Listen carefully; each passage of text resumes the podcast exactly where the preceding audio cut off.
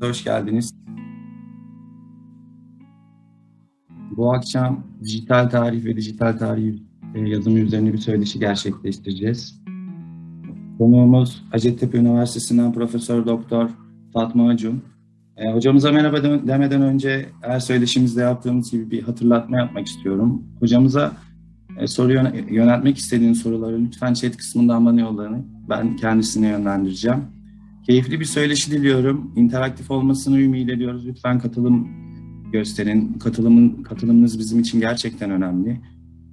Ee, hocamıza merhaba demek istiyorum ben. Merhaba Fatma Hocam. Ee, merhaba Oğuz, merhabalar.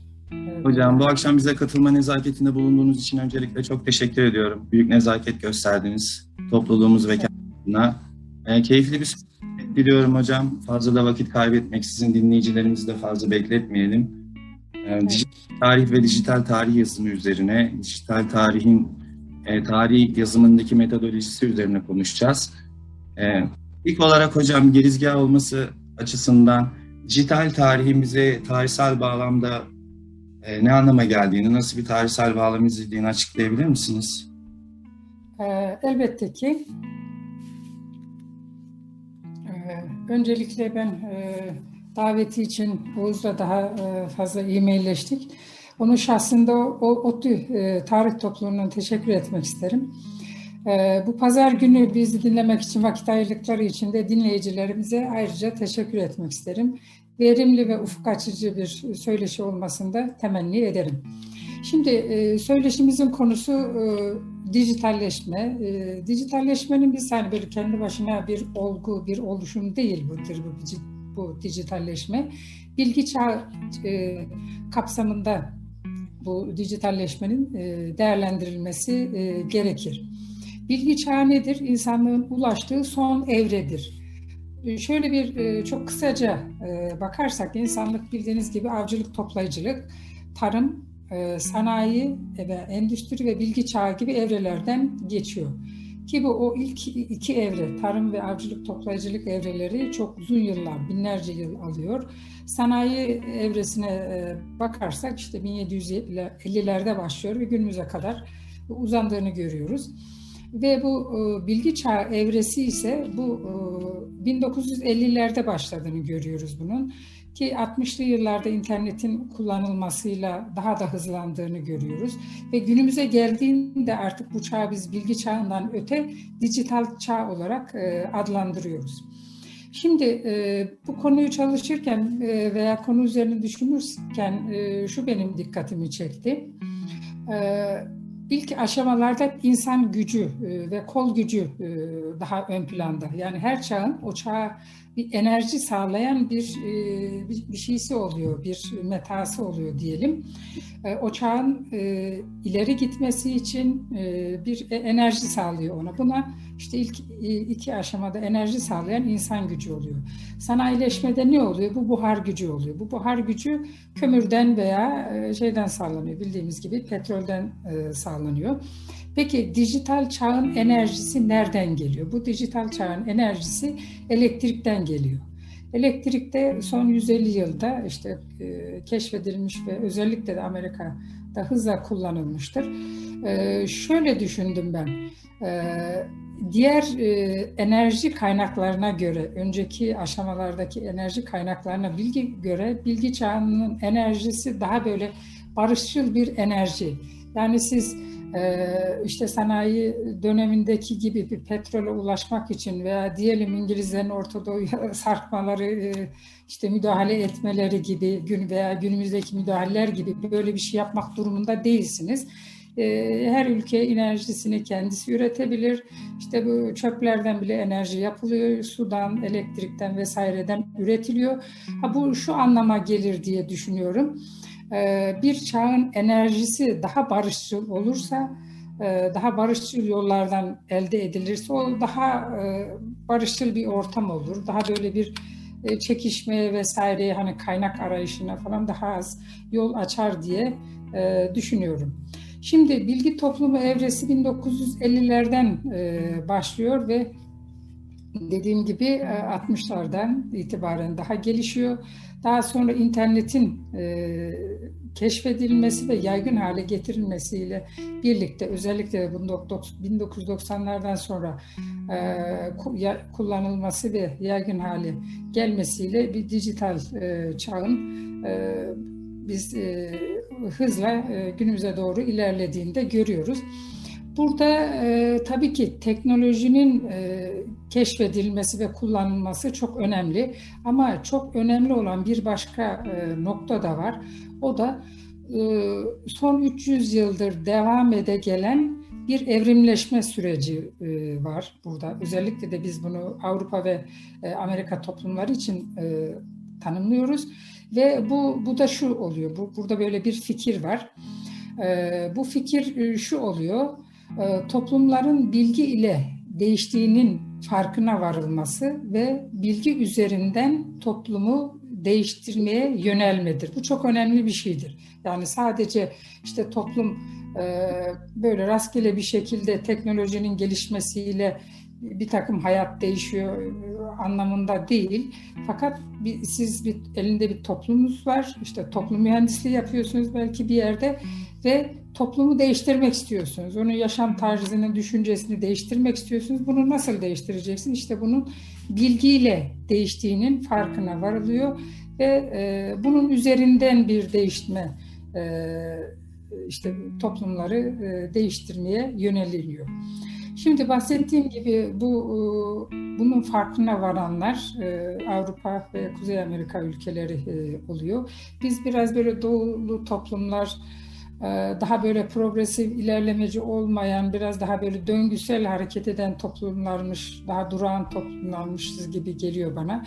Ki bu tür toplumların açılmasında tabii ki internet, işte iletişimin hızla artması, e, küreselleşen dünyamızda malın ve bilginin böyle hızla e, değişmesi, hızla bir yerden diğere aktarılmasının da önemli olduğunu düşünüyorum. Şimdi e, dijital e, çağ hızla ilerleyip günlük hayatımızın her alanına nüfuz ediyor. Tabii ki tarihçilerin e, bu değişimin tesirinde kalmaması elbette ki e, mümkün değil. O zaman şöyle bir durum oluyor. Bu dijital e, e, şey çağ tarihçiler için bir meydan okuma arz ediyor.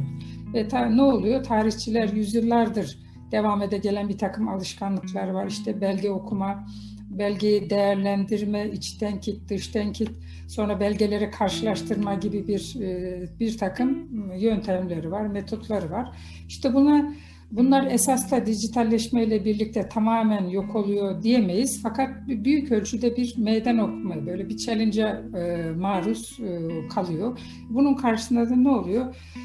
bu geleneksel metotlarda e, veya bunu uygulayan tarihçiler tarafından da bir takım direnç noktalarının e, geliştiğini de görüyoruz. Hatta bazı e, tarihçilerin belki yaşı biraz daha ileri olan 50-60 yaş üstü olan tarihçilerin buna biraz daha tepki gösterdiğini, daha böyle ürkütücü bulduğunu bile de söyleyebiliriz.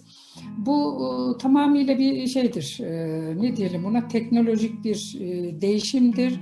Tabii ki teknolojiye adapte olmak için de insanların daha genç olması gerekir. Yani böyle belki gençler için çok kolay oluyor hemen teknolojinin içine doğuyorlar. Fakat yaşı o dediğim derecelerde de, düzeyde olan insanların teknolojiye adapte olmaları falan da oldukça e, kolay oluyor. Diğer taraftan da tarihçiler oldukça muhafazakar insanlar. Yani ellerindeki yani genç de olsalar ellerinde bir takım metotlar var. Bunları e, hemen biz kenar bir kenara koyalım da e, işte yeni metotlar edinelim e, diye hemen e, böyle bir e, şeyde e, değişim değişime ne diyelim e, böyle bir girişimde bulunmuyorlar. Direniyorlar demek. E, diren, direniyorlar e, falan diyebilirim. Bunun sebebi nedir diye, düşündüğümüzde bu tarihçilik zor bir iş. Yani tarihçilikte bildiğiniz gibi böyle bir genelleme yapmak, bir e, model çıkarmak, böyle bir kanuna ulaşmak falan oldukça zor bir iş. Ve bizim kendi tarihimiz söz konusu olduğunda bir eski yazıyı okuyacaksınız, sonra bir takım maharetleriniz falan olacak, yabancı dil bileceksiniz falan. Bunları yapıncaya kadar zaten insanın yaşı kemale eriyor. Biraz da o muhafazkarlık var. Fatma Hocam tam da bu noktada araya girmek isterim izin verirseniz. Evet. Fizik, kimya, matematik ve diğer bilimlerin diğer bilimlerin teknolojiye ve dijitalleşmeye adapte olması çok kolay oldu ya da uzun süredir bu kullanılıyor. Özellikle mühendisliklerde, doğa bilimlerinde. Biz tarih, tarihçiler olarak evet geleneksel insanlarız. Ya da şöyle söyleyelim, düşünsel anlamda çok geleneksel yetiştiriliyoruz. En azından ben kendi okulumda aldığım eğitimden yola çıkacak olursam bunu pekala rahat söyleyebilirim. Ama biz mesela ge- geçenlerde bir tarih okumasında Osmanlıca'ya çok yardımcı bir uygulama ile ilgili bir söyleşi yapmıştık. Ve bize inanılmaz kolay gelmeye başladı. Yani evet hiç bulamadığımız 500-600 e, sayfalık kamus karıştırdığımız durumdan hemen işte e, klavyeden yazıp bulabilir hale geldik. Bu direnişin e, bir saptamada bulursa, bulunursak Türkiye özelinde konuşalım. E, elbette ki Batı ülkeleri bunu aldı götürdü gibi geliyor. Ben en azından ben son yaptığım söyleşi için okumalarda buna rastladım. Türkiye özelinde söylersek bu direniş ne zaman bitecek ve ne zaman biz dijital tarih konusunda daha fazla uygulamadan ya da sizin dediğiniz gibi geleneksel yöntemlerden tasnif et, belgeye ulaş, belgeyi oku, onu yorumla da ne zaman tarihsel bağlamda bir saptamada bulunursak şu an ne aşamadayız Türkiye özelinde? Ee, e, şimdi başlangıcın başlangıcı aşamasındayız diyebiliriz. Ee, yeni tutumlar, yeni davranışlar yeni nesiller tarafından daha kolayca adapte edilir. Sizler örneğin daha 20 yaşlardasınız, çok gençsiniz ve bunun içine doğdunuz böyle adapte olma gibi bir sorunuz yok zaten. Yani elinizde telefonla doğdunuz, büyüdünüz diyebiliriz. Ama bizler için, belli bir yaş e, grubunda kişiler için bu öğrenilmesi gereken ekstra bir külfet haline geliyor. Buradan böyle bir sıkıntı var. Bir de şöyle bir metodolojik açıdan şöyle de bir sıkıntı var.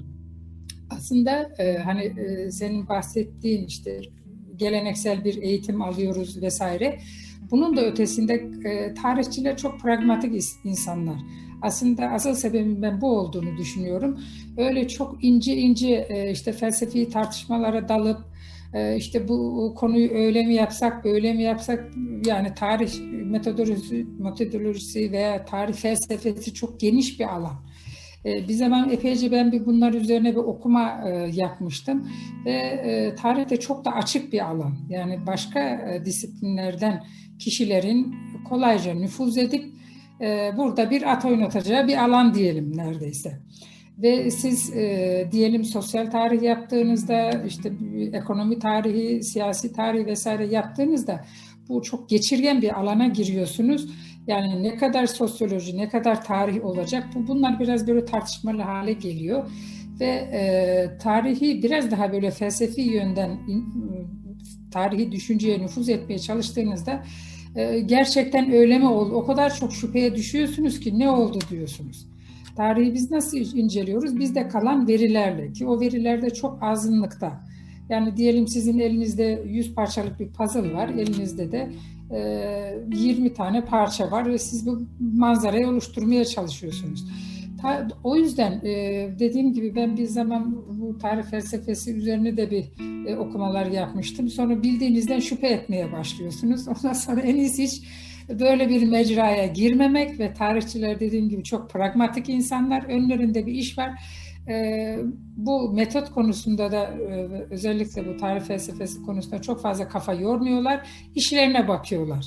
Bu, bu bir taraftan olumlu e, gibi görebiliriz. Yoksa hani e, geçenlerde bir e, Ahmet Şimşek hocamızın yayınladığı bir kitap vardı. Onun editörlüğünde. Gerçekten öyle mi oldu? Yani siz bir inceliyorsunuz öyle mi oldu? Artık postmodern e, dönemdeyiz. Post-truth'la şey yapıyoruz. Artık Ranke döneminde değiliz. Hani o zaman 19. yüzyılda tarih bir hakikati arıyor. Ama hakikatin ötesinde başka şeyler var mı? Neler var? Bunu araya e, aramaya giriştiğinizde artık bir başka safhaya giriyorsunuz. O artık tarihçilik olmaktan çıkıveriyor bir anda. Dolayısıyla da tarihçiler böyle geleneksel metotlarla da işlerine bakmış oluyorlar. Şimdi biz tarihçiler bu alışkanlık olarak hani biraz muhafazakarlık dedir, dedik. Genelde biz kendi başımıza çalışıyoruz. Bir hoca hani bunun profesyonel eğitimini alırken işte master doktora yaparken bir hoca bir danışman Artık e, tabii tez izleme e, komiteleri falan da oldu. En fazla üç hocayla falan çalışıyorsunuz. E, ve çalışmaların neticesine bakarsanız bir yazarlıdır. Nadiren iki yazarlıdır. Böyle iki yazarlı olduğunda işte birisi eklemlenmiş gibi düşünür. Pek iki yazarlı çalışmalara pek iyi gözle bakılmaz. Ondan sonra da üç yazarlı çalışmalar hiç görülmez yani. Böyle bir usulen netlenmiş bir şekilde olur. Ee, yani biz çalışmalarımızda da diye belirteceğim diğer bir noktada özellikle tez çalışması yaparken gerçekten çok sıkıntılar çekiyoruz.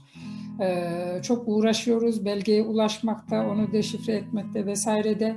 Ee, ama bunlardan, e, bunlar sanki bizim mesleğimizin bir gerekliliği. Mutlaka bir zahmet çekeceğiz, sıkıntı çekeceğiz. Ondan, ondan sonra öğreneceğiz. Sonra olgunlaşacağız. Bu şekilde e, şey bir çalışma yöntemi takip ediyoruz. Bir de şu noktayı belirteyim. E, çalışırken bizim yaptığımız çalışmayı ister işte doktora tezi olsun ya da bir makale olsun verilerimizi genelde kendimiz görüyoruz. Yani diyelim bir kimyada veya e, tıpta vesaire mühendislik bilimlerinde olduğu gibi bunu e, bir başkasının tekrar etmesi e, gibi bir şey söz konusu da e, değil. Böyle biraz kapalı bir alanda çalışıyoruz. Dijitalleşme ne getiriyor? Bunun tamamıyla açılmasını gerektiriyor ve bu, bu tarihçiler için çok büyük bir meydan okuma. Yani kapalı bir şekilde işinizi yaparken küçük bir ekiple ya da yalnız başınıza mesleğinizi icra ederken birdenbire siz e, ekibinizi büyütmeniz gerekiyor veya başka insanlarla çalışmanız gerekiyor. Verinizi e, artırmanız gerekiyor. İşte internet üzerinden işte çalışmanız, bir takım şeyler yapmanız gerekiyor. Bu da e, şey tamamen ayrı bir meydan okuma oluyor. Ve tarihçiler de işte bu durumda ne yapacakları konusunda işte düşünmeye başlıyorlar. Yani bu nasıl yapacağız, bu işin nasıl üstesinden geleceğiz diye bir takım e, görüşler e, ortaya e, atıyorlar. Evet. Fatma Hocam, Fatih Berk hocamız sormuş. O da benim e, az evvel sorduğum soru düz, düzleminde bir soru sormuş. Onu da kaçırmak istemiyorum. Dijital tarihin eğitime yansımaları ile ilgili ülkemizdeki durumu soruyor. E, ben de bunu merak ediyorum. Şahsen bizim okulumuzda e, ta, dijital tarihçilikle ilgili e, pek çalışma olmadığını söyleyebilirim. Hacettepe'de durumlar nasıl? Sonuçta bunlar Türkiye'nin saygın üniversiteleri ve bazı şeylere öncülük yapıyorlar bazı durumlarda. Evet. Türkiye evet. nasıl hocam? Eğitimlere katılıyor musunuz? Mesela siz bir hoca olarak eğitimlerinize dijital tarihi katıyor musunuz? Ya da dijitalleşmeyi, dijital verileri kullanıyor musunuz? Aha, verileri kullanıyor muyum? Ben anlatıyorum ama fazla da kullanmıyorum herhalde. ee, şöyle diyeyim, e, metodoloji derslerimde ben anlatıyorum bunları. Ee, yani öğrencilere e, neyi anlatıyorum? Mesela e, muhteva analizini bu Concordance isimli bir e, word processing programları var. E, bu da Concordance'da bunlar kelime dizin programları. Onlarla e, şey yapıyorum, onları öğretiyorum. Ondan sonra görsel tarih dersi var mesela imaj analizi, imaj okuma, fotoğraf okuma onları falan.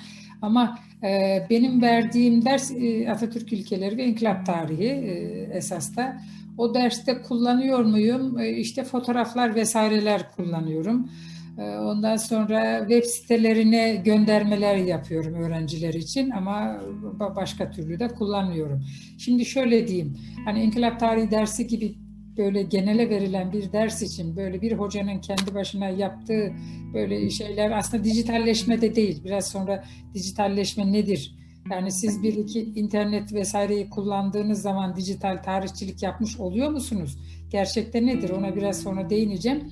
Bu sadece bu bir takım araçları kullanma, işte bir dersi renklendirme anlamına gelir. Ee, bunun için biraz geride kalındığını düşünüyorum. Ee, ben e, şey İnkılap Tarihi Enstitüsü adına ee, bu bu işlemlerin daha e, önceden e, şey internete haz, e, aktarması böyle metinler hipertekst, hypertekst denilen metinlerin hazırlanıp işte e, sunuyorsunuz bir metin üzerinde diyelim Sevr Anlaşması tıklıyorsunuz, Sevr Anlaşması'na gidiyor veya geliyorsunuz orada ne diyelim Sakarya Meydan Muharebesi o metin içinde düz bir şekilde geçiyor ama tıklıyorsunuz fotoğrafa gidiyor veya tıklıyorsunuz İstiklal Marşı kabul edildi diyorsunuz mesela. İşte İstiklal Marşı'nın koro halinde söylenmesine gidiyorsun. Bu tarz metinlerin falan yapılmış olması gerekir. Bir de e, bunların yapı her şey insanla oluyor öyle diyelim. Eğer hoca yoksa bunu yapacak kimse yoksa e, yapılamıyor bu şekilde kalıyor. Tarih bölümü için e, Ramazan Acun var bu kendisi. E, doktorasını bilgisayar bölümünde yaptı. E, İkiniz değil mi hocam? Efendim? İkiniz değil mi? E, eşim oluyor yani onu söylemek istemedim. evet ben söyleyeyim. E, ben de biraz onun vesilesiyle e, e, ona yakın olduğum için bu konulara aşina oldum. Yoksa ben de epeyce de uzak kalabilirdim diyebilirim. Onun çalışmaları var. Yani onun epeyce bir çalışmaları var. İşte onun derslerinde sosyal analiz yapıyor. Bir takım bilgisayarı doğrudan kullanıyor. Kaynakçı Info isimli bir web sitesi var. Onun üzerinden dersleri yapıyor. Yani bunu aktif olarak e, onların kullanıldığını e, söyleyebiliriz. Dediğim gibi bun, bunlar hani hemen bir dijital e, tarih çalışması yapalım veya bir araştırması yapalım dediğinizde bunu e, yapmak öyle çok kolay bir e, işte değil. E, dijital tarih projeleri genelde e, pahalı projeler, çok kapsamlı projeler. Onun için bir ekip çalışması vesaire gerekiyor. E, bu da bir şey ayrı bir e, çizgi diyelim. Son zamanlarda arşiv çalışmaları ile ilgili bu dijitalleşmenin çok nimetlerini görüyoruz hocam. Mesela Genel Kurul Başkanlığı'nın harika çalışmaları var. Gerçekten çok titiz ve çok güzel çalışmışlar. Orada Ramazan Hoca hocamızla da bu söyleşi özelinde tanışma fırsatı buldum. Çalışmalarına göz attım. Gerçekten bu işte Türkiye'de önce hocalarımızdan bir tanesi. Kendisine teşekkürlerimizi iletirseniz tabii ki, tabii ki. çok seviniriz Fatma Hocam. Hocam tartışmamızı doğru bir düzlemde ilerletebilmek adına soruyorum. Az evvel dedik yani daha dijital tarih nedir? Onu bir açıklayalım diye. Oraya gelirsek hocam dijital tarih ve dijital özel tarihçilik özelinde dijital tarihsel veri nedir? Evet. Şimdi şöyle şöyle e, aktarayım e, size dinleyicilerimize. Dijital öncelikle sayısal, e, dijitli, sıfırlı ve birli anlamına geliyor ve bilgisayara koyduğunuz her şey sıfırda bir ve birden ibaret. Yani biz ekranda bir takım kelimeler, işte yazılar, fotoğraflar görüyoruz ama bunun arka planı tamamıyla sıfırlı birli bu şekilde e, temsil ediliyor. Ve e, dijitalleşme ile de fiziki verilerin bilgisayar ortamında sayısal formata çevrilerek depolanması ve istenildiği zaman üzerinde işlem yapılarak kullanılması kastediliyor. Yani bu bir takım elinizde veriler var. Bunu bilgisayara belli programlar aracılığıyla depoluyorsunuz. işlem yapıyorsunuz bunun üzerinde ve istediğiniz zaman da geriye e, alıyorsunuz. Dolayısıyla biz e, hani biraz önce senin bahsettiğin işte mutlu olduk arşivlere ulaşınca falan bu e, bu depolama işlemi değil sadece. Depolama çok güzel bir şey. Çünkü depoluyorsunuz ve e, dünya çapında işte 7-24 insanlara ulaşılabilir hale e, getiriyorsunuz. Ama asıl olan bu bunu e, bir takım bilgisayar e, programları aracılığıyla bu verileri işleme ve onları e, işte bunlardan neticeler elde etme ondan sonra onları şey işte kullanıcıya meraklısına sunma işlemidir. Şimdi biz şöyle bir şey görüyoruz. 1950'li yıllardan itibaren bu internet bilgisayar keşfediliyor.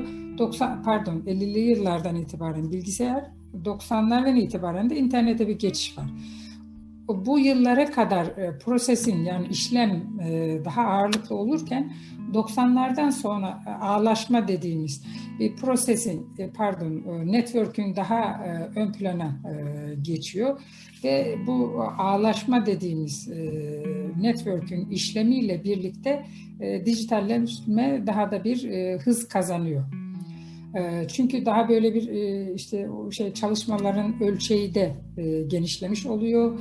Ee, daha fazla e, kişiler, ekipler, insanlar bu işin içine dahil olmuş oluyor ve yeni araçlar, gereçler, yeni metotlar ve bunun üzerinden de yeni düşünme ve yeni çalışma metotları da e, çalışma metotlarının da ortaya çıkmasının da e, yolu açılmış oluyor. Ne oluyor bu arada? İşte tarihçiler e, işte medyada, ortak platformlarda ilk defa kendi seslerini duyurmaya başlıyorlar. Şimdi tarihçiler bunları o geleneksel dediğimiz tarihçiler bunları göz ardı mı edecek, direnecek mi yoksa da bunları adapte edip bunların üzerinden gidecek mi? Bunların hakkında da tarihçiler düşünmeye başlıyorlar.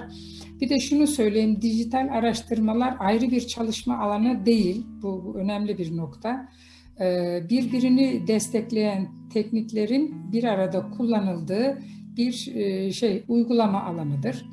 Bunu e, bu şekilde e, şey yapalım, tanımlayalım. Dijital tarihçilik denince dijital araştırma metotları, dijital arşivler, online sunumlar, interaktif haritalar, işte zaman çizelgeleri ve ses dosyaları gibi tarihi araştırmacıya e, ve kullanıcısına kolay e, hale e, getiren araç gereçler akla gelmektedir bunları.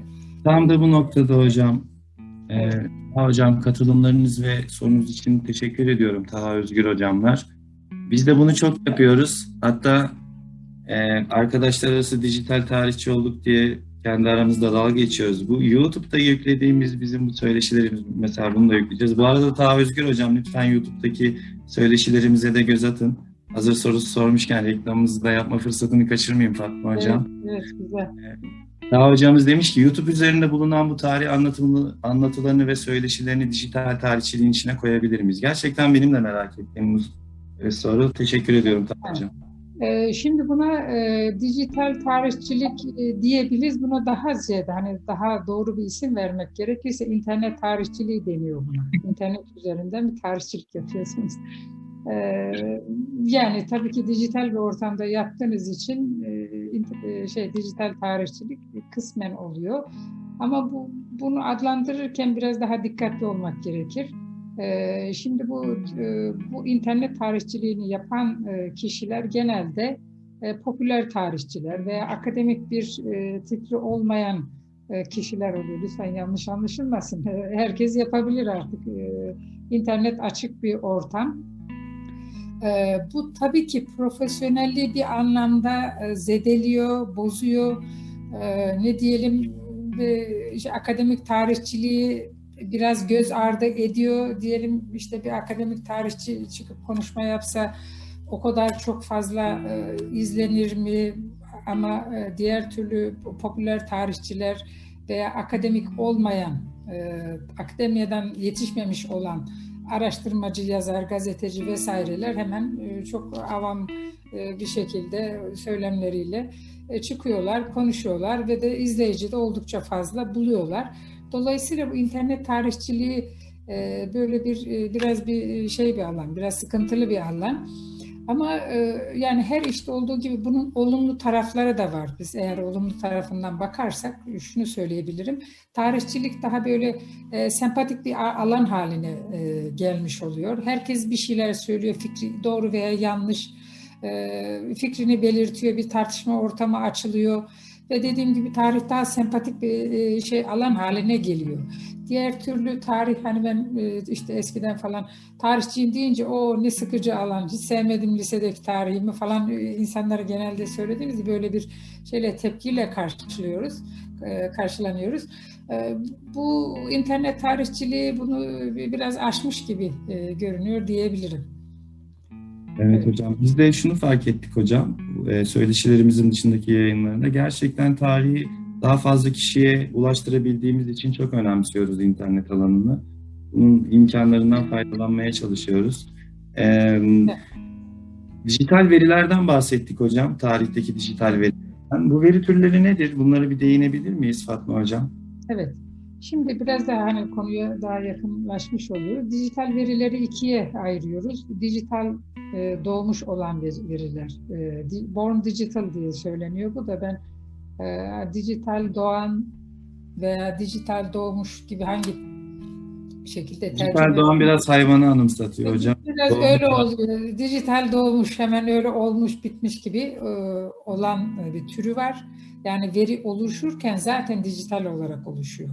İkinci türü de e, analog halinde oluşmuş ve ondan sonra dijital ortama aktarılmış, e, dijital medya, medya ortamına e, aktarılmış veriler olarak bu verileri iki tür e, de inceleyebiliyoruz. E, şimdi bu dijital olarak doğan e, veriler, dijital doğmuş verilerin kıyaslanabilecek bir orijinalleri yok. Yani işte bir belge olarak elimizde bir, bir tane var ve dijital ortama aktardık. Böyle bir şey yok. Tamamıyla bu dijital ortamda e, yaratılmış e, veriler oluyor. Diyelim ki web siteleri, online forumlar, gruplar, e-kitaplar, elektronik kayıtlar, ses kayıtları vesaire bunlar tamamıyla dijital ortamda oluşmuş e, veriler oluyor ki çok önemlidir bunlar. Diğeri de e, dediğim e, sonradan dijitalleştirilen kaynaklar var. Bunların çoğu da arşiv belgeleridir veya basılı olarak ortaya çıkmış metinler ve bir tarama teknikleriyle ve bir takım tekniklerle internet işte bilgisayara aktarılmış, elektronik ortama aktarılmış verilerdir. Bizim tarihçilerin kullanıldığı veriler ise genelde ikinci türden veriler. Biz, yani siz ki çok geçmiş dönemleri falan çalışıyorsanız tabii ki ikinci türden olacak. Bu diğer tür dijital doğmuş verilerin işte oluşması daha yenile olan şeyler. Yani fotoğrafların çekilmesi veya o ne diyoruz multimedya dediğimiz işte ses, görüntü, hareket hepsinin bir arada falan olması gerekiyor böyle şeyler için. Ee, bunların incelenmesi veya olaylar yaşanırken bu tarz kayıtlarının da alınması gerekiyor. Mesela e, diyelim e, biz milli mücadelenin doğrudan dijital kayıtlarını alabilir mi? Bir takım filmler vesaireler var ama diyelim ki bir Irak Savaşı'nın e, şey dijital versiyonu daha fazladır. Eğer siz bu Irak Savaşı'nı çalışmak istiyorsanız e, daha e, şey bu dijital verilere mutlaka müracaat etmeniz gerekir. Ama diyelim bir milli mücadele veya ne diyelim geçmişte Kırım Savaşı'nı çalışmak istiyorsanız daha ziyade belgelere bakmanız veya dijital ortama aktarılmış belgelere bakmalarınız şey olur yeterli olur.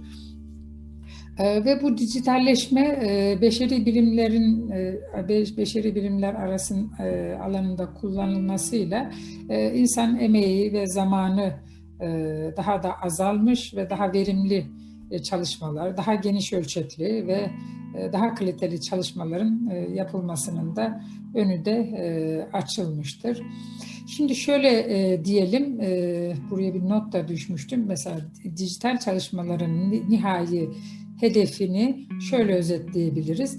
Bilgisayarın çok miktardaki veriyi işleyebilme kabiliyeti ile insan beyninin bunu yorumlama yeteneğini bir araya getirerek geçmişi daha iyi anlamaktır. Yani burada sadece işte bütün işi veya bütün yükü bilgisayara yükleyip e, çok miktarda veriyi işliyoruz ve işimiz tamam yani harika projeler, harika sonuçlar elde ediyoruz değil. Ee, yine bir insan gözü, yine bir insan aklı gerekli burada. O akılla ancak biz, e, o e, kabiliyetimizle ancak bu e, veriyi konuşturabiliriz, anlamlı hale getiririz ve geçmişin nedir bu? Neticede tarihçi olarak yapmak istediğimiz, yani hem ister dijital yöntemle olsun, isterse geleneksel yöntemlerle olsun geçmişi daha iyi anlamaktır bu anlama işini e, daha e, kolay e, yapabiliriz dijital yöntemlerle.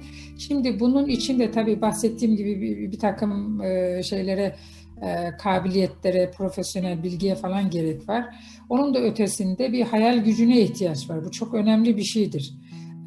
hayal Tarihçiliğin gücü... en önemli kısmı zaten yorum değil mi hocam? Yani evet. en önemli kısmını aslında tarihçi yapıyor da bilgisayar bize bir biraz zor olan kısmı kolaylaştırıyor gibi nitelendirebilir miyiz sizin dediklerinizden? Yola çıkacak. Evet, evet. Doğrudur. Biraz da böyle bir ufuk açması gerekiyor. Yani siz e, bir macera perest olmak gerekiyor. Aslında e, hayal kurmak çok önemli her e, aşamada. Yani ben bunu öyle değil de başka türlü nasıl yapabilirim?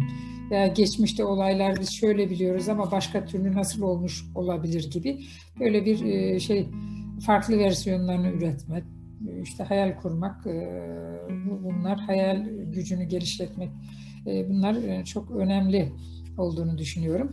Dolayısıyla bu dijitalleşme konusunda aşırı iyimser olup işte dijitalleşme bize ne sunuyorsa hemen ve eleştirmeden almak doğru değil. Diğer taraftan böyle kasvetli işte bu dijitalleşme çok işe yaramaz. İşte biz eskiden kitapları çeviriyorduk, oturuyorduk, ne güzel okuyorduk. Böyle kahvemiz bir tarafta, kitabın sayfalarını, işte kokularını hissediyoruz falan. Bu güzel bir şeydi. Bu kadar da kötümser de olmamak gerekir. İşte ikisinin arasında e, gerçekçi bir e, yol tutmak gerekir. E, bu da yol ne olabilir? İşte avantajlarından istifade ederken dezavantajlarını da daha böyle asgari düzeye, düzeye indirgeyerek çalışmayı yürütmek olur. Aytaç hocamız sormuşlar. Teşekkür ediyorum sorusu için ama az evvel hocamız bunu yanıtladı. Hangi üniversiteler dijital tarihçilik alanında ilerideler diye sormuş. Bunu konuşmamıştık ama e, dijital... Dünyada, pardon, dünyada mı soruyorsunuz Türkiye'de? Evet. Ben bir şey diyemeyeceğim. Yani Türkiye'de... Dünyada, dünyada. Yani, dünyada neler var? Dünyada Amerika'daki üniversiteler çok gelişmiş e, durumda. Yani inanılmaz derecede. Ve zaten dünyada da e, şey bilgisayar teknolojisini ileri götüren Amerikan ünü, Amerika ve Silikon Vadisi orası.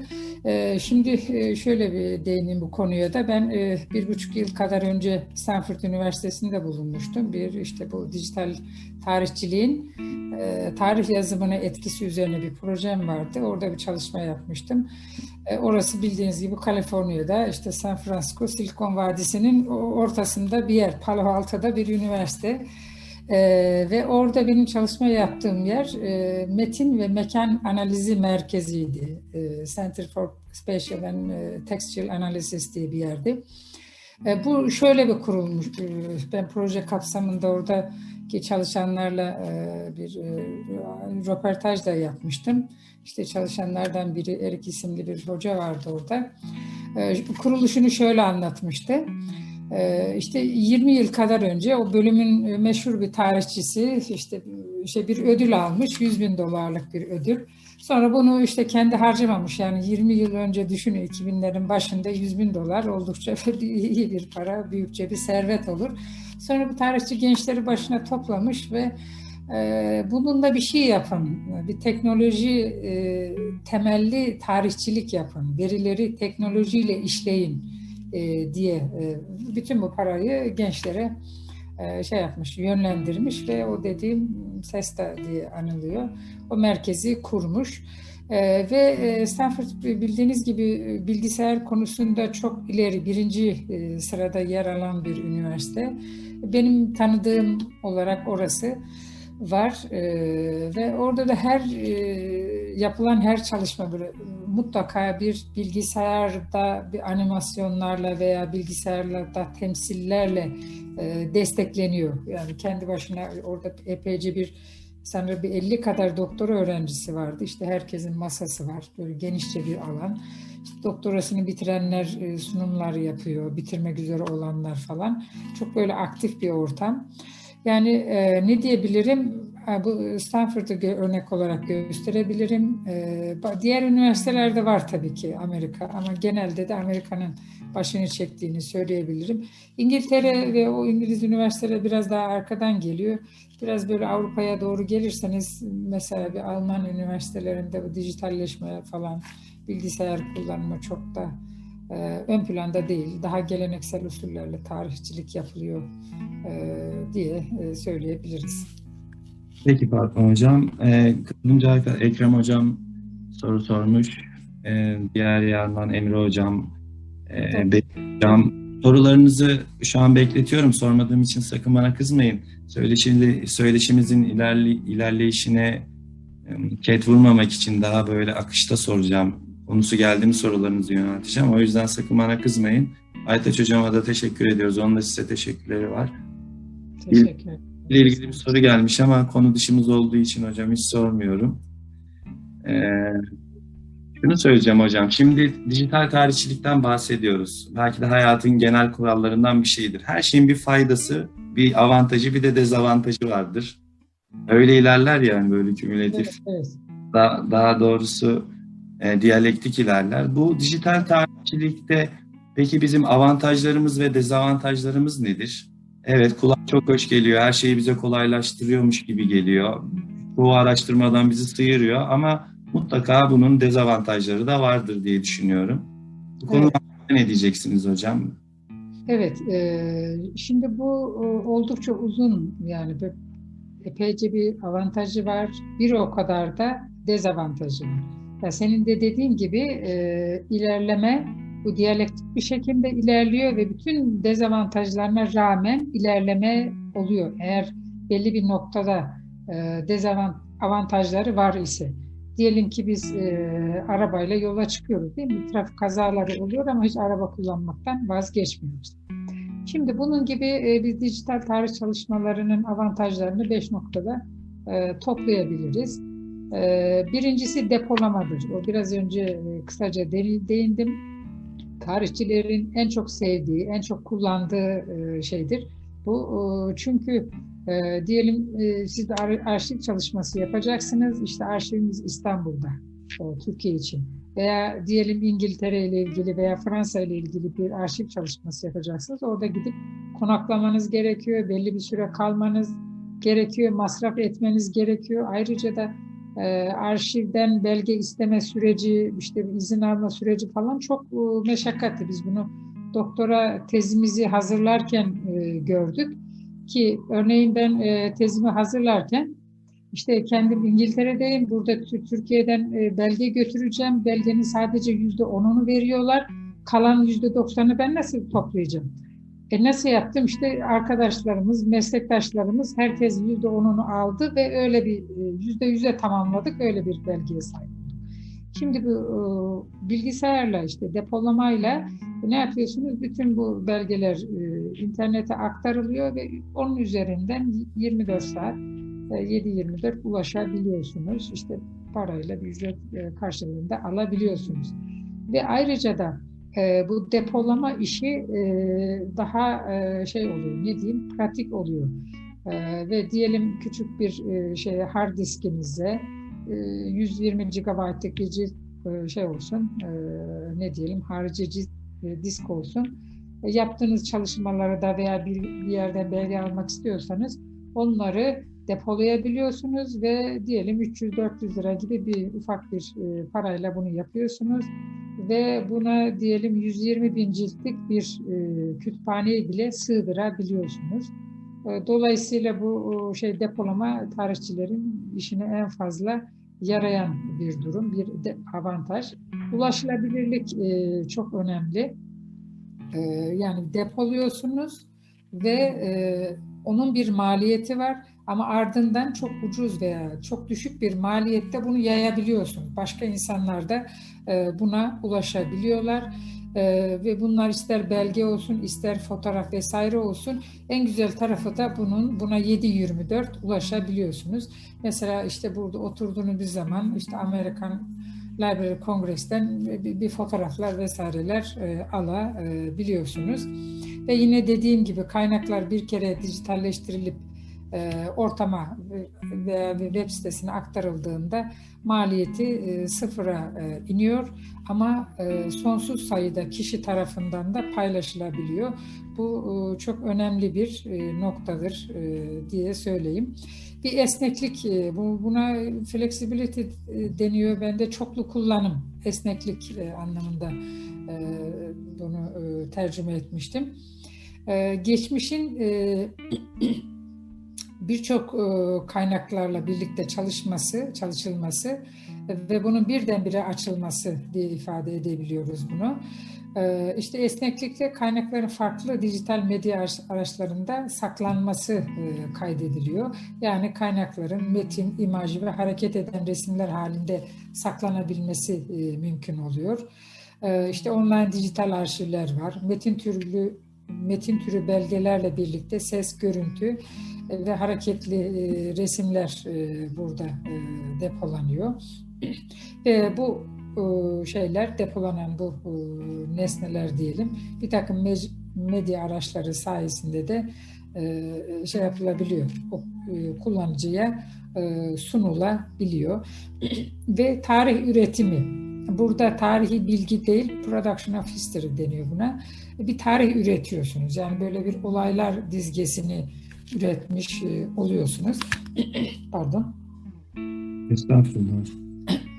Ee, öyle ki şimdi arşiv belgelerinin ve ilgili literatürü internet üzerinden erişilebilir olması ve bunun işte profesyonel olmayan kişiler tarafından bile kullanılır hale gelmesi e, yeni tarihlerin üretiminin yolunu da e, açmıştır.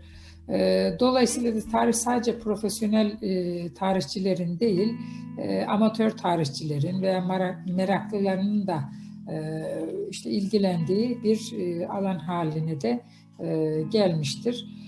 Öyle ki mesela bu tarih bu konuyla ilgili bir şey örnek de verebiliriz. Bazı şey internet siteleri var. Akademik tarihçilerden ziyade işte bir Abraham Lincoln hakkında bir bir öğretmen, bir lise öğretmeni bir web sitesi yapmış ve daha kolay ulaşılabiliyor. Ee, insanlar daha fazla da e, kullanılıyor. Diğer bir e, avantajı etkileyicilik ve etkileşimlik e, diyebiliriz buna. Ee, bir hem etkili olma var burada hem de etkileşimli olma. Mesela bizimki bizim şu anda yaptığımız bir yerde e, dijital e, anlama geliyor. Çünkü karşılıklı konuşuyoruz. E, böyle gidiş gelişler oluyor. Ve burada etkileşimlik e, genelde baktığımızda böyle e, e, tek yönlü değil. Mesela siz televizyon seyrediyorsunuz. Sadece alıcı durumdasınız değil. Karşılıklı böyle bir iki, iki yönlü bir aktarımı e, ifade ediyor burada. E, mesela bu aktarım hoca öğrenci ara, arasında olur, öğrenciler arasında olur, Ondan sonra bir farklı işte kullanıcılar arasında da e, olabilir. Ve bu şekilde ne oluyor? E, şu anda bizim de yaptığımız gibi internet yeni bir e, tartışma, işbirliği ve geçmiş hakkında bir delil toplama e, şey aracı haline gelebilir. E, bu e, bu tarz e, yani dijitalleşmenin e, etkileşimli olmasından en fazla istifade eden kişilerin de popüler tarihçiler e, olduğunu da söyleyebiliriz. Şimdi dezavantajlarına gelirsek 5-6 tane de dezavantaj sıralayabiliriz. Bunları şöyle ana noktalarıyla e, söyleyeyim size. E, veriyi indirgemesi. Şimdi veri indirgemesi en fazla korkulan e, dijitalleşmenin en fazla çekinilen ve itiraz edilen e, noktasıdır. Bu şekilde söyleyebiliriz. E, bu da e, şu şekilde oluyor. E, siz e, veriyi şey bilgisayara ve bilgisayar programına yerleştirdiğinizde veriyi parçalamış ve e, onu indirgemiş oluyorsunuz. Veriyi parçaladığınızda ise bağlamından çıkartmış oluyorsunuz. O bağlamından çıkarma işi tarihçinin en çok korktuğu ve hiç istemediği bir durumdur. Çünkü biz tarihçiler ne yapıyoruz? Tarih e, verileri e, ve olayları e, işte olaylar verilerin içinde saklı tabii ki. Bunu bağlamına oturtarak anlamlı hale geliyor, getiriyoruz. Ve siz bir olayı bağlamından çıkartırsanız, bağlamından soyutlarsanız, böyle çıplak bir hale getirirseniz tamamen farklı yorum yaparsınız. E, bağlamına oturtursanız o yorumunuz e, çok farklı bir hale e, dönüşür. İşte bu o, bu veriyi indirgeme işlemi genelde işte düz metinler üzerinde yapılıyor. İşte siz elinize aldığınız bir metini e, veya bir evra diyelim tarihi var, kişileri var. Ee, onun ne diyelim anne adı var, baba adı var. Bunları farklı farklı kutucuklara koyuyorsunuz.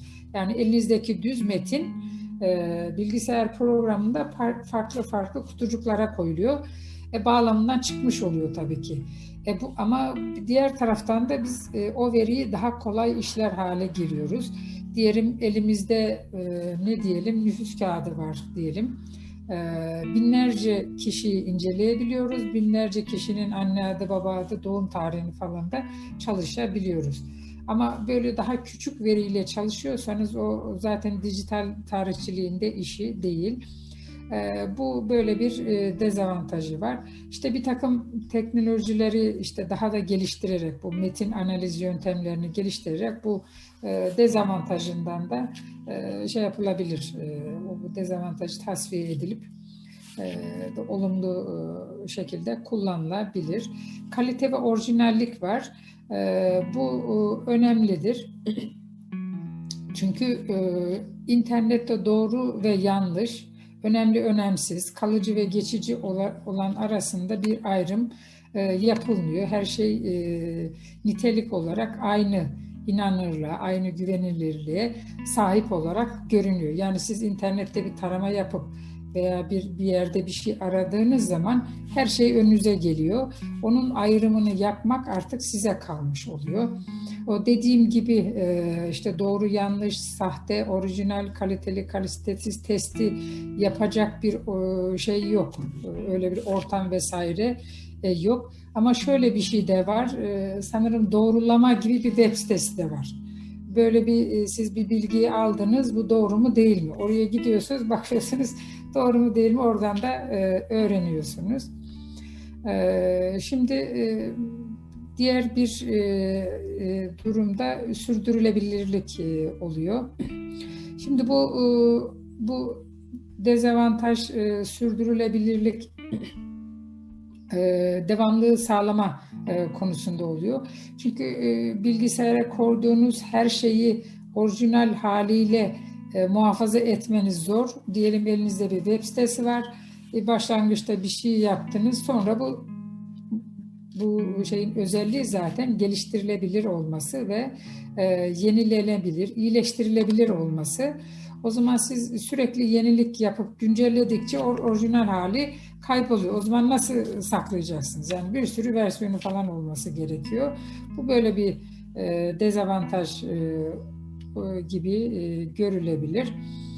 Ee, dolayısıyla bu tarihi kayıtların ve arşivlerin e, dijital ortamda saklanması konusu bu şeydir, yeni bir konudur. E, ve işte e, neler muhafaza edilecek, kim tarafından muhafaza edilecek, bunun hukuki zemini nedir? Böyle bir takım konularda e, var. Okunabilirlik, ee, okunabilirlik de biraz e, sıkıntılı olabilir veya dezavantaj olarak da e, görülebilir. E, şimdi siz internette bir metin okuduğunuzda buna biz hiper hypertext ve hipertext e, hipermetinler diyoruz. E, bu bizim okuduğumuz işte elimize aldığımız e, makale ve kitaptan çok farklı bir kurguya sahip. Dolayısıyla da onu anlamak için okuyucuya çok daha fazla e, şey e, yüklenilmiş oluyor. Daha fazla e, iş düşmüş oluyor. Diyelim ki biz bir tezi veya kitabı elimize aldığımızda bir şey biliyoruz. Yani bir, bir, bir kitabın, bir çalışmanın bir tezi olur. Ondan sonra bir girişi olur. Girişte belli şeyler söylenir konu açılır arada gelişme sonra da bir sonucu olur falan böyle bir kurgusu vardır ve bu kurgunun nasıl olacağı konusunda ister makale ister kitap olsun okuyucu ve yazar mutabıktır. Yani bellidir siz bir tezi doktora tezini başka türlü yazamazsınız. Ama internete koyduğunuz bir e, hiperteksti çok farklı şekillerde kurgulayabilirsiniz. O zaman e, karşınıza bir metin çıkar ve bu metnin ana fikri nedir? İşte sonucu nedir? Sonucu falan olmayabilir. Ortalarda bir yerdedir. Dolayısıyla dediğim gibi bunu e, bu metin içinde çok rahat dolaşabilirsiniz. Farklı yollara gidebilirsiniz ama bunu e, şey yapmak, anlamak, o metni sindirmek e, işte biraz şey okuyucuya bu konuda iş düşmüş oluyor. Bir diğer nokta da pasifliktir. İnternet ortamında hani bu etkileşimlilik var falan diyoruz ama bu yine de diğer şeylere noktalar ne diyeyim bu basılı kaynaklara göre daha bir şeydeyiz. Öyle deniyor. Okuyucu daha pasif durumda ve kendi kendiyle baş başa kalmış durumda. Ama basılı kaynakta ise okuyucuyla yazar karşı karşıya durumda oluyor. Böyle bir e, farklı bir etkileşimin olduğu, olduğunda görüyoruz. E, erişilmezlik var burada.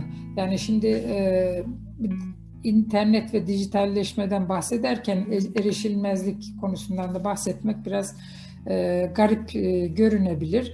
Fakat e, bu bütün bu imkanlara rağmen erişilmezliğin olduğu durumlarında e, vuku bulduğunda e, görüyoruz. Onu da şöyle açıklayabilirim.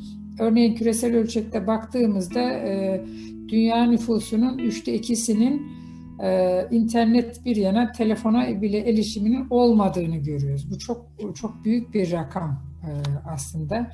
E, sanırım bu e, şeyin bir inter, Afrika'ya internet götürme şeyleri, projeleri falan da vardı. E, dolayısıyla e, kullanı şimdi kullanıcılar var, işte bilgisayarınızın olması gerekiyor, internet bağlantınızın olması gerekiyor. Bunlar temel şeyler. İkinci bir e, konuda sizin internette neyi bulacaksınız, nasıl bulacaksınız e, bunu da bilmeniz e, gerekiyor. Bir başka e, endişede belli e, şeyler var mesela, belli kanallar var. Tarihçilik konusunda History Channel var mesela veya bir bilgi e, depolama yeri olarak şey var, Elsevier var ve Thomson Corporation var ki bunlar çok sayıda gazete, dergi, makale vesaireyi depoluyorlar. Ee, ve çok pahalı şeylere, e, fiyatlara, çok yüksek miktarlara ancak kütüphanelere satıyorlar. Yani bunlara ulaşmak e, bir şeydir, bir masrafı gerektirir. Dolayısıyla da bu internet tarihçiliğinin böyle şey daha bir işte belli bilgi holdinglerinin elinde var, elinde tutuyor, bunlar elinde tutuyor e, diyebiliriz. İşte biz bunların karşısında işte zavallı bir tarihçiyiz. Nasıl duracağız? Böyle durmak zor görünüyor. E, e, yani biraz zor görünüyor böyle bir büyük holdingler bilgiler değerliyorlar, topluyorlar ve istediğinizi hemen çıkartıveriyorlar karşınıza. Öyle ki benim kendi web sitem var. Bir baktım bir tane alternatif web sitesi çıkmış birisi gösterdi. Yayınlarımın bir kısmı gerçekten de orada. O dedim o benim web sitem değil. Asıl web sitem burada dedim. Böyle alternatif bir şeyler falan da çıkıyor. Bana çok ilginç gelmişti bu. Ee, bu da şey e, bunlarla işte bunların var olduğunun e, farkında olmak gerekiyor. Bu internet e, tarihçiliği olsun veya dijital tarihçilik konusunda dez, dezavantajlar arasında e, işte bunları da e, sıralayabiliriz. Teşekkürler Fatma Hocam. Ahmet Şimşek Hocamız gerçekten çok toparlayıcı ve güzel soru sormuş. Hiç değiştirmeden ya da yorum katmadan direkt okumak evet. istiyorum izniniz olursa hocam. Az evvel de ifade etmiştim sorularınızı e, görmemezlikten geldiğimi falan sakın düşünmeyin. Kontekst üzerinde soracağım. Hocamıza selamlar. Eskiden söz vardı, sonra yazı icadı oldu. Şimdilerde ise görsel bir iletişim cari yazı sözü, görsel de yazıyı mağlup etti. Bu durumda geleceğin tarihçiliğinde dijital imkan, zorunluluklar nasıl etkili olabilecektir? Bu çerçevede tarih bölümleri, e, tarih bölümleri programları için neler önerirler hocamız demişler ve teşekkür ediyorlar size. Bu arada çok da iltifat var hocam. Hepsini tek tek okuyup konteksten uzaklaşmak istemiyorum. Çok selamlar var. Güzel bir söyleşi olduğuna dair iltifatlar var. Teşekkürler. Teşekkürler. Yok bunu hak etmek isterim ama hak ediyor muyum bilmiyorum. ya, estağfurullah hocam. Ee, öncelikle Ahmet hocamıza çok teşekkür ederim. Katıldığı için de ayrıca teşekkür ederim. Çok mutlu oldum. Kendisi bu e, tarih çalıştaylarının düzenleyicisidir. Ee, ha, hocam bilmiyordum. Biz de çok teşekkür ederiz. Biz tarihçiler oturup evimizde oturup dururken bizi harekete geçiriyor. En son işte tarih e, ders programı, lisans ders programları ile ilgili birkaç gün önce bir çalıştay e, yaptık. Gerçekten de bir lokomotif gücü oldu metodoloji konusunda. Biz de e, çok isteriz hocam bu çalıştaylara katılmayı. Ahmet hocama evet. sesleniyorum hocam bilmiyordum. O yüzden evet, biz evet. bunu da göz ardı etmeyin lütfen. Tabii tabii değerli hocamızla bir söyleşi yapmanızı da öneririm aslında. Hmm. Şimdi bu görsellik çok önemli bir hale geldi. E, görsellikle e, çok e, kısa sürede diyelim, yani biraz abartmış olmuyorum ama e, bir fotoğrafla veya görsellikle az e, çok bilgiyi çok kısa sürede e, karşınızdakine iletebiliyorsunuz. E, bu böyle bir e, şey var, avantajı var. Diğer bir avantajı da insanlar belki okumak daha zor geliyor ama dinlemek daha kolay. Bir de diğer taraftan bu bu multimedya dediğimiz çoklu ortam mesela bizim yaptığımız gibi görüyorsunuz, e, duyuyorsunuz. Onu hem gözünüze e, hem bir, bir takım organlarınıza işte duyu organlarınıza da hitap ediyor. Dolayısıyla öğrenme e, daha kolay hale e, geliyor. Biraz bilmiyorum belki insanları tembelleştirebilir de böyle bir şey. Çok fazla gördüğünüz zaman e, okumak size zor gelmeye başlıyor. Veya bir takım videolar var. Mesela ben de bakıyorum işte savaşla ilgili veya böyle tek kişilik videolar var. Bir taraftan ne diyelim işte kulağıma takıyorum işte dışarıda yürüyüş yaparken dinliyorum bir taraftan. Yani bu güzel bir şey. E, veya seyrediyoruz bir taraftan.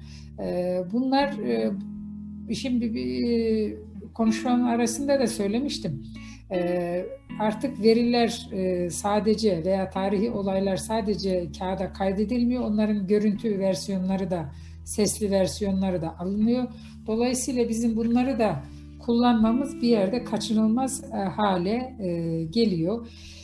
Bunları derslerde de kullanmak gerekiyor. Yani hem eğitimde, öğretimde kullanmak hem de işte tarih araştırmalarında kullanmak gerekiyor. Giderek benim görüşüm bilmiyorum o kadar yaşımız yeter mi? Daha dijitalleşip daha böyle görüntülerin görüntü üzerinden anlatma, öğretme, araştırma yapmanın daha artacağını düşünüyorum. Mesela sınıfta bu tür materyalleri kullanmanın daha etkili olacağını düşünüyorum ben. Hocam ben kendi adıma bazı derslerin sınavına belgesel izleyerek hazırlanıyorum. Buradan da hocalarımdan özür diliyorum ve itirafta bulunuyorum. Yok evet. estağfurullah gayet güzel. Daha kolay Şimdi evet. ben bir ufak bir şey daha söyleyeyim. Ee, sadece e, belgeseller üzerinden tarihi öğrenirseniz bu biraz eksik kalıyor gibi gel- geliyor bana. Ee, bir de kitap okuyup aslında destekleyici olarak e, şey yaparsanız e, o, o dizileri işte belgeselleri falan seyrederseniz daha e, şey oluyor. Daha konuyu kavramış, daha konuya hakim olmuş oluyorsunuz. Bir biraz bana öyle geldi. E, biraz yüzeysel e, kalabilir diye düşünüyorum. Evet, Mesela, acil durumlarda yapıyoruz. Evet. Evet, çünkü şunu da ilave edeyim o dediğim e, e, noktada e, bir kitap aldığınızda elinizde yazarla ve sizin aranızda böyle bir iletişim oluyor. Belki bu iletişimin farkında değilsiniz. Mesela bunu biz daha çok romanlarda falan e, rastlarız. Tarih kitaplarında e, rastlar mıyız? Rastlıyoruzdur. Belki öğrencilere tavsiyem öyle bir gözle bakın, bir okuyun e, tarih kitaplarını okurken. Öyle bir iletişim var. Ee, diğer tür belgesellerde böyle tek yönlü bir iletişim var. Ee, o işte oradaki eksikliği diğer kitaplarla tamamlamak iyi olur. Evet. Hocam katılımcıların sorularından genel bir özet çıkartmam gerekirse Wikipedia, YouTube, e, işte diğer hmm, sosyal mecralar ya da dijital mecraların dijital tarihçiliğe yön verdiği noktasında bir e, ön yargı mı demeliyim, saptama mı var demeliyim. Böyle bir böyle bir böyle bir yani dijital da dijital da günümüzden bahsettiğim bahsettiğimiz dijital tarih dediğimizde bu bu mecraları mı kastediyoruz? Sanırım burada bir düzeltme yapmamız. Çünkü bu konuyla ilgili çok soru geliyor. Özellikle Wikipedia, YouTube, e, diğer alanlar birkaç tane daha vardı. Kaçırdım onları akışta. Evet. Şimdi e, bunlar dijital tarihçilik değil. Onu özellikle söyleyeyim. Bunlar böyle bir dijital tarihçilik demeniz için o veriniz elinizde bir e, veri olacak. Ondan sonra o veri işleyeceksiniz. Bir takım programlarla bir algoritmalar yazılacak. On, o sadece o veriye has. Ondan sonra o sunulacak. Şimdi bu diyelim Wikipedia'da bu süreçlerden hangisi gerçekleşiyor? ve hangisi hangi ciddiyet derecesinde gerçekleşiyor. Bu çok da ciddi bir şekilde alındığını falan e, zannetmiyorum. Yani sadece bir işte video çekiliyor, konuluyor veya e, işte bir, bir, bir metin olarak kitapta bulacağınız bilgiyi olduğu gibi işte internette buluyorsunuz. Bu dijital tarihçilik değil, buna internet tarihçiliği demiştim. Popüler tarihçilik bir şekilde ve e, çok da yanıltıcı da olabilir e, bu tür şeyler, e, videolar olsun, web siteleri olsun. Wikipedia hani bazen biz de bakıyoruz böyle temel e, ne, ne, ne zaman oldu, kim ne zaman doğdu falan gibi bilgileri almak için e, çok genel bilgileri almak için müracaat edilebilir.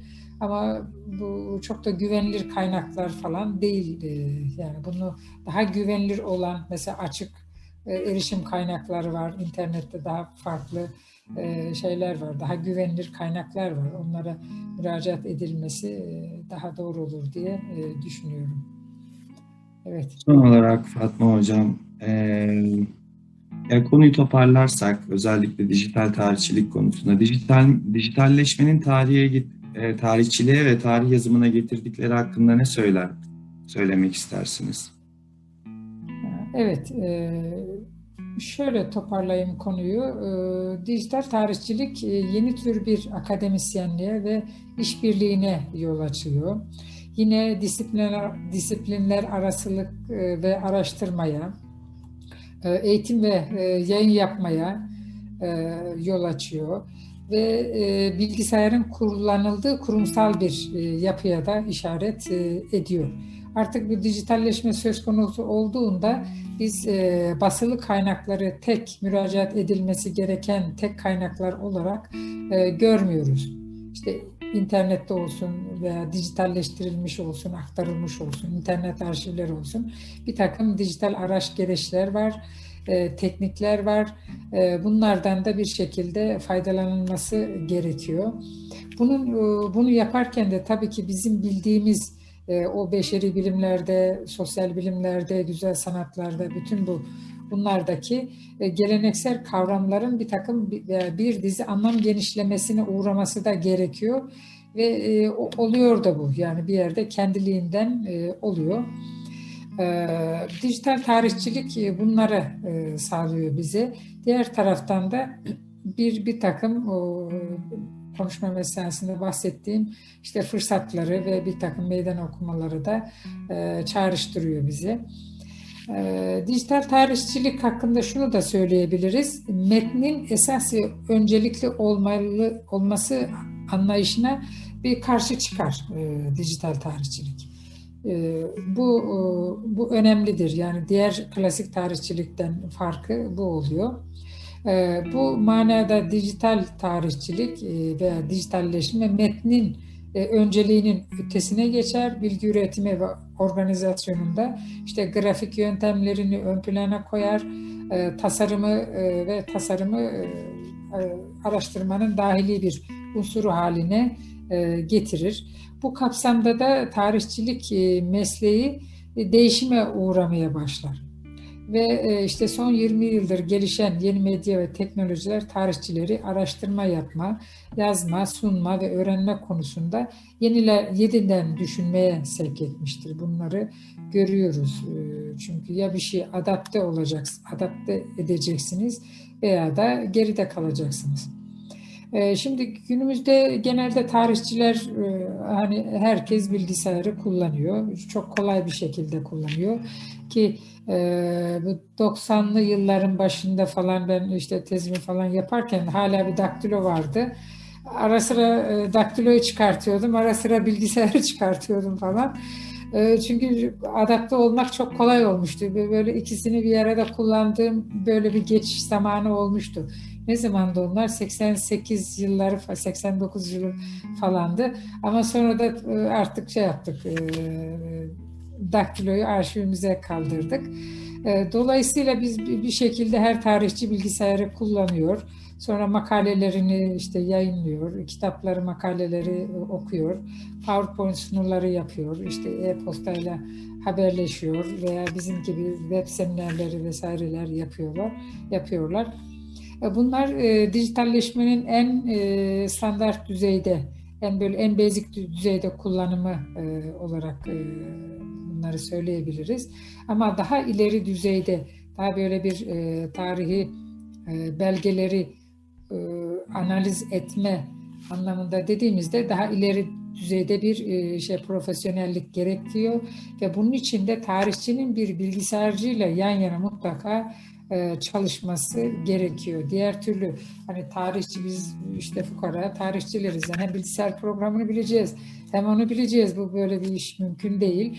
Belki bizim için mümkün değil ama belki işte bir 20-30 sene sonra belki tarihçiler o, o çok daha şey olur, e, daha profesyonel, daha maharetli olur ve e, kendi kullanacakları programları kendi yazar hale de gelebilirler. Bu e, önümüz açık ve konuşmanın başında da söylediğim gibi bu biz dijital çağın daha çok e, e, başlangıcının başlangıcında çok ilk aşamalarındayız. Henüz yani internet bunu çok yaygın hale getirdi. İnternetinde şöyle 20-30 yıllık falan bir geçmişi var. O insanlığın geçirdiği evreleri şöyle yüzyıllar halinde, uzun süreçler halinde düşünürsek daha önümüzde bilmem hayal edemediğimiz pek çok e, şey var e, diye düşünüyorum. Çok teşekkür ederim Fatma Hocam. Öncelikle katılımınız için. E, bu arada Vildan Hocam bir soru sormuşlar ama hocam cevapladı o soruyu Vildan Hocam. Başka sorular varsa buyursunlar lütfen böyle bir evet, şey. E, daha... Dijital tarih enerjim var. Alanı, alanları nelerdir bunları merak ediyorum diye sormuş Vildan hocamlar. Ama az, az evvel bunlardan bahsetmiştik sanırım hocam. Evet, evet. Yine yine Hüseyin hocam sormuş. Dijital tarihçilerin perspektiflerine nasıl etki etti? E, dijital tarihçilik tar- tarihçilerin perspektifine nasıl etki etti? Tarih felsefesi açısından tarihçilere yeni bir bakış açısı sundu mu diye sormuş. Daha evvel evet felsefesi üzerine çalıştığınızı ifade etmiştiniz. Evet. Hemen o şeyi yakalamış e, ince ayrıntıyı. Nedir hocam tarih felsefecileri dijitalleşmeye nasıl bakıyorlar? Ee, yani şöyle diyeyim o konuda. Ee, şimdi dijital tarih e, dijital leşerek veya dijital tarihçilik yaptığınızda çok fazla sayıda şey kullanıyorsunuz, malzeme kullanıyorsunuz. Yani böyle 3-5 tane, 100 tane falan e, belgeyi kullandığınız zaman diyelim 100 sayfa hatta ne diyelim 5-600 sayfalık bir metni falan değerlendirdiğinizde bu şeyler küçük geliyor. Dijital tarihçilik biraz daha e, şey geliyor ne diyelim e, lüks bir iş haline giriyor.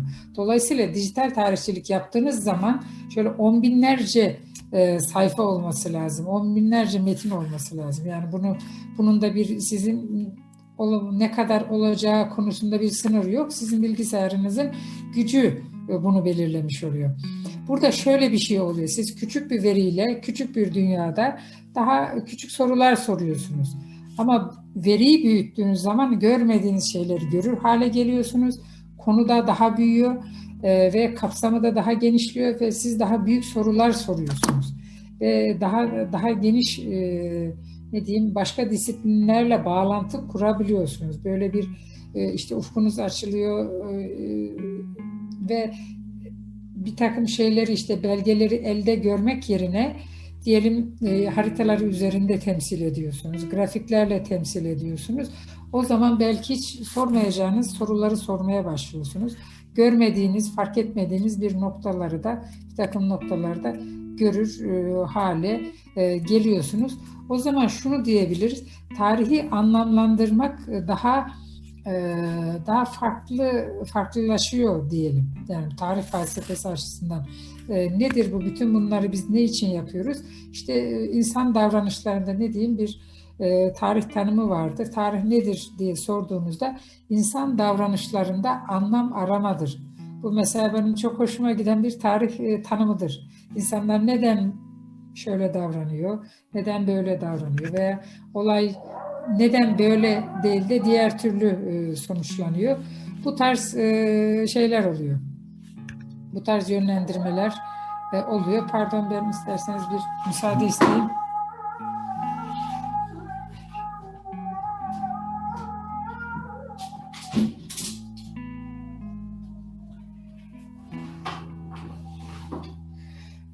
Dolayısıyla e, daha büyük sorular sormamızı sağlıyor. Tarihe daha geniş bir e, perspektiften bakmamızı sağlıyor. İnsan davranışlarını e, daha kapsamlı bir şekilde anlamamızı sağlıyor.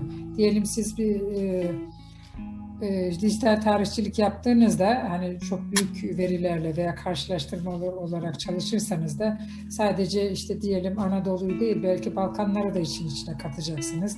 Belki Güney Amerika'yı da işin içine katacaksınız. Böyle büyük ekiplerle falan. O zaman hani işte e, Türk vatandaşı veya Balkanlı bir kişi değil de insan olarak bakacaksınız. Böyle bir daha genel kategorilerle e, şey duruma bakacaksınız. E, tarihi daha e, geniş çaplı bir şekilde anlamaya çalışacaksınız ve böyle bir e, faydası olur e, diye düşünüyorum. Yine aynı minvalde sorular var hocam. Yaklaşık 12 tane falan. E, hocamlar biraz söyleşiye geç katıldıkları için sanırım söylediklerinizi kaçırmışlar. Ama e, ismini okuyamıyorum. Daha doğrusu telefonunun markasını buradan görebiliyorum. Öyle katılımımız var. Ee, çağda, çağdaşlaşma ve çağa ayak uydurmada tarihçilerin kaçınılmaz hedefinin dijitalleşme olduğunu öne sürmüş. Bu bir zorunluluk mu hocam yoksa bir kolaylaştırma mı? Yani biz dijital tarihçilik dediğimizde ve dijital tarihçilikteki tarih yazımında bunu bir zorunluluk olarak mı görmeliyiz yoksa bunu bizim işimizi kolaylaştıran kolaylaştıran bir şey olarak mı görmeliyiz? Çünkü dijitalleşme de sanki her yere girince çok sıkıcı bir hal almadı mı hocam? Otobüslere biniyoruz, önümüzde ekran. Ee, işte markete gidiyoruz, ekran. İnsan, insan fıtrat olarak bundan sıkılmayacak mı yani? Yoksa hep böyle mi gidecek? Yani bunda böyle gitmekten öte daha da fazla e, olacak diye düşünüyorum. Biz daha başlangıcındayız. Hani bunu e, hayatı kolaylaştırmak olarak e, düşünmek lazım. E, hayatı kolaylaştırıcı yönüyle düşünmek lazım. Diğer türlü e, şöyle düşünelim. E, özellikle de bu yaşadığımız pandemi süreci bunu e, daha da bir gereklilik haline getirdi. Yani biz dünya ne kadar küçükmüş işte bir salgın olduğu zaman hemen dağılıyor, yayılıyor ve e, ne yapıyoruz biz burada? E, her yer hakkında bilgi sahibi olmak istiyoruz değil mi? Yani işte e, şey ne diyelim e, Sinovac aşısı Brezilya'da denendi sonucu şu oldu, şu ülkede denendi sonucu bu oldu gibi artık dünyanın hakkında her yeri hakkında bilgi edinmek e, durumundayız ve böyle bir hani bir yerde bir sıkıntı olduğunda diğer tarafa aşı dağıtılıyor vesaire gibi e, bu, bu yaşam hayat bunu gerektiriyor ve insanlar hareket ediyor. Sürekli bir hareket halindesiniz. Yani kimse oturduğu yerde e, kalmıyor. Herkes bir yerde. E, o, o zaman ne oluyor? Siz bunu e, diyelim küçük bir ortamda yaşarken insanları böyle manage edebiliyorsunuz. Bu hayatı başarabiliyorsunuz. Ama e, herkes e, sağa sola dağıldığında e, bu hayatı nasıl başaracaksınız? Nasıl bir şey yapacaksınız? Bütünleştireceksiniz. Bu ortam içinde nasıl yaşayacaksınız? Bunun için bir takım kolaylaştırıcı şeyler gerekiyor. Araç gereç gerekiyor. Yoksa öyle bir şey yani hayatın şey yaşanması vesaire bu yani bu, bu kadar şey olmazdı, kolay olmazdı. Veya şöyle diyelim, bir takım imkanlar oldukça, teknolojik imkanlar oldukça böyle insanlar açılıyor, şey yapıyor. Yani bu bir gereklilik oluyor başka türlü. Bunu açıklamak şey değil. Yani biraz insani yönü azalıyor, biraz bir şeyler sanallaşıyor falan gibi diyebiliriz. Ama böyle ikisi başı, at başı gidiyor gibi geliyor bana. Artıları eksileriyle. Ama bir yol bu bir yoldur. Bu teknolojinin açtığı bir yol. Bu yola direnmek e, beyhudedir gibi geliyor bana. En iyisi e, kabul edip avantajlarını alıp dezavantajlarını da törpülemek lazım. Onları bir e, gözden geçirmek, aksayan yönlerini de iyileştirmek lazım. Ancak bu şekilde e, şey yapabiliriz, yolumuza devam edebiliriz. Diyalektik ilerleyiş her yerde karşımıza çıkıyor hocam hayatın her alanında. Yani, yani dünya böyle ilerliyor bu, bu şekilde başka maalesef. Söyleşimiz de bir buçuk saat oldu hocam. Evet. Bir keyif aldık, çok yararlandık. Özellikle buradan bakıyorum hemen hemen bütün sınıf arkadaşlarım söyleşiye katılmışlar. Muhtemelen bunu kendi aramızda da çok evet. tartışacağız. Ee, ben size Topluluğumuz adına çok teşekkür ediyorum. Ahmet Şimşek hocamızı da hazır burada yakalamışken yine oportunist bir tavırla onunla da çalışmak istediğimizi, çalıştaylara katılmak istediğimizi topluluk olarak çok istiyoruz. Ee, teşekkürler geliyor, iltifatlar geliyor. Çok verimli geçtiğini söylüyorlar. Ben de aynı fikirdeyim. Ee, umarım şu zor günleri atlatırsak e, okulumuzu davet etmeyi, sizinle orada da bir hmm, yüz yüze söyleşi gerçekleştirmeyi çok isteriz hocam. Nezaket gösterdiniz, sağ olun, ilginizi paylaştınız. Estağfurullah. teşekkür ne demek. ediyorum. Bu kadar, e, güzel iltifatlar aldığıma ben de memnun oldum. E, katılımcı e, arkadaşlarımıza, işte öğrencilere isimlerini görüyorum. Herkese çok teşekkür ederim. Ahmet hocamıza da ayrıca teşekkür ederim. E, umarım verimli geçmiştir, faydalı olmuştur. Ben de e, sizin gibi böyle ufku açık, vizyonu açık gençlerle tanıştığım için gerçekten e, memnun oldum. Çünkü biz biraz eski nesil olmaya başladık. Bu bir nesli, e, gelecek nesle bir emanet etmek gerekiyor. Bir takım bilgi akışı, tecrübe akışının olması gerekiyor. İşte bunu sizlere emanet etmek de güzel emin ellerde olacak diye düşünüyorum. Öyle bir izlenim e, uyandırdınız bende. Ben de çok teşekkür ederim. E, çok teşekkür ederim. Teveccüh ederiz hocam. Biz çok teşekkür ederiz. Ayrıca teşekkür ederim. Herkese iyi akşamlar dilerim. Yani, Sağlıklı günler dilerim. Aman Covid'e yakalanmayın. Kendinize dikkat edin lütfen. Evet. Herkese en iyi dileklerimi ve sevgilerimi e, sunarım.